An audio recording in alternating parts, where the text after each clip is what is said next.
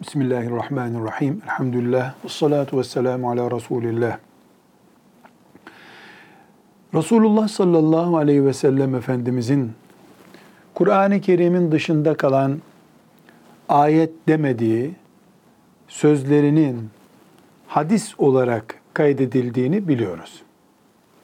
Ümmeti Muhammed'in ikinci, üçüncü ve dördüncü asrında büyük hummalı bir çalışmayla Resulullah sallallahu aleyhi ve sellem Efendimizin hadisi şeriflerinin diğer ümmetlerde olduğu gibi kaybedilmemesi için bir toplama, kayıt altına alma, kitaplaştırma, tasnif etme çalışması yapılmıştır.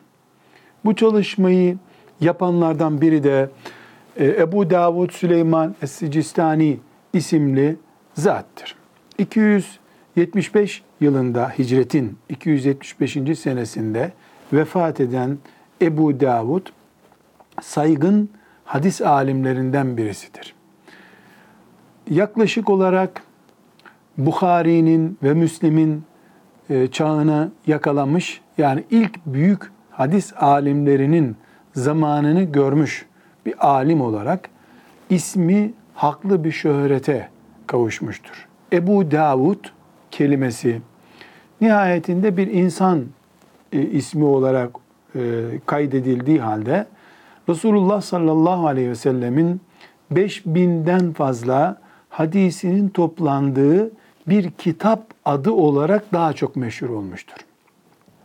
Süneni Ebu Davud olarak bilinir. Süneni Ebu Davud. Süneni Ebu Davud Türkçeleştirecek olursak Ebu Davud'un hadis kitabı demektir. Yani Ebu Davud insan ismi. Ebu Davud'un yazdığı hadis kitabıdır. Ebu Davud'un bu kitabında namazından, haccından, kurban kesmesinden, edebinden, çocuk yetiştirmesine kadar Peygamber sallallahu aleyhi ve sellem'den bize intikal eden 5200 civarında hadis-i şerif vardır. Alimler bilhassa fıkıh ilmiyle meşgul olan alimler bu sözünü ettiğimiz Ebu Davud isimli kitapla çok yoğun bir ilgiyle alakadar olmuşlardır.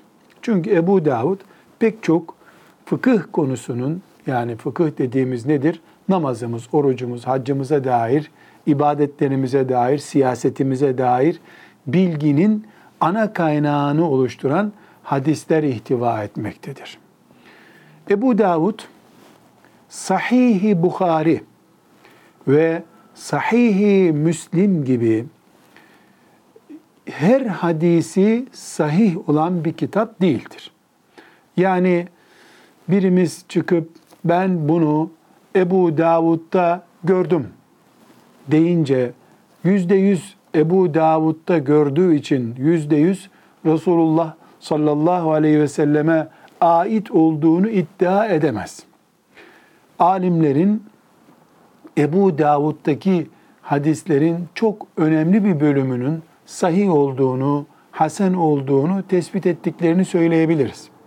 Ama Ebu Davud'un içinde de yani bu 5200 hadisin içinde de hadis alimlerinin hadis konusunda ehliyetli, kapasitesi ümmet tarafından kabul edilmiş alimlerin bu hadisin Resulullah sallallahu aleyhi ve selleme ait olup olmadığı konusunda tereddüdümüz var dediği hadis-i şerifler de vardır. Bu sebeple Ebu Davud Resulullah sallallahu aleyhi ve sellemin emanetinin ihtiva edildiği kaplardan bir kaptır. Ama bu kabın içinde tıpkı pirincin içindeki pirince benzer ama pirinç olmayan karışık maddeler bulunabileceği gibi Ebu Davud'un içinde de bu tip alimler tarafından bu yüzde yüz Resulullah sallallahu aleyhi ve selleme ait olmayabilir dedikleri hadis-i şerifte vardır. Ama her halükarda pirincin içindeki bir iki taş kadar bir orandan söz ediyoruz.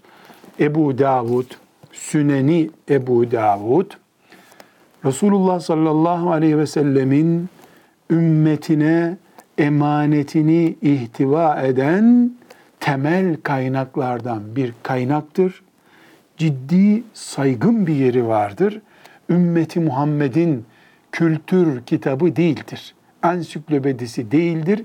İman, amel, akide kitabıdır.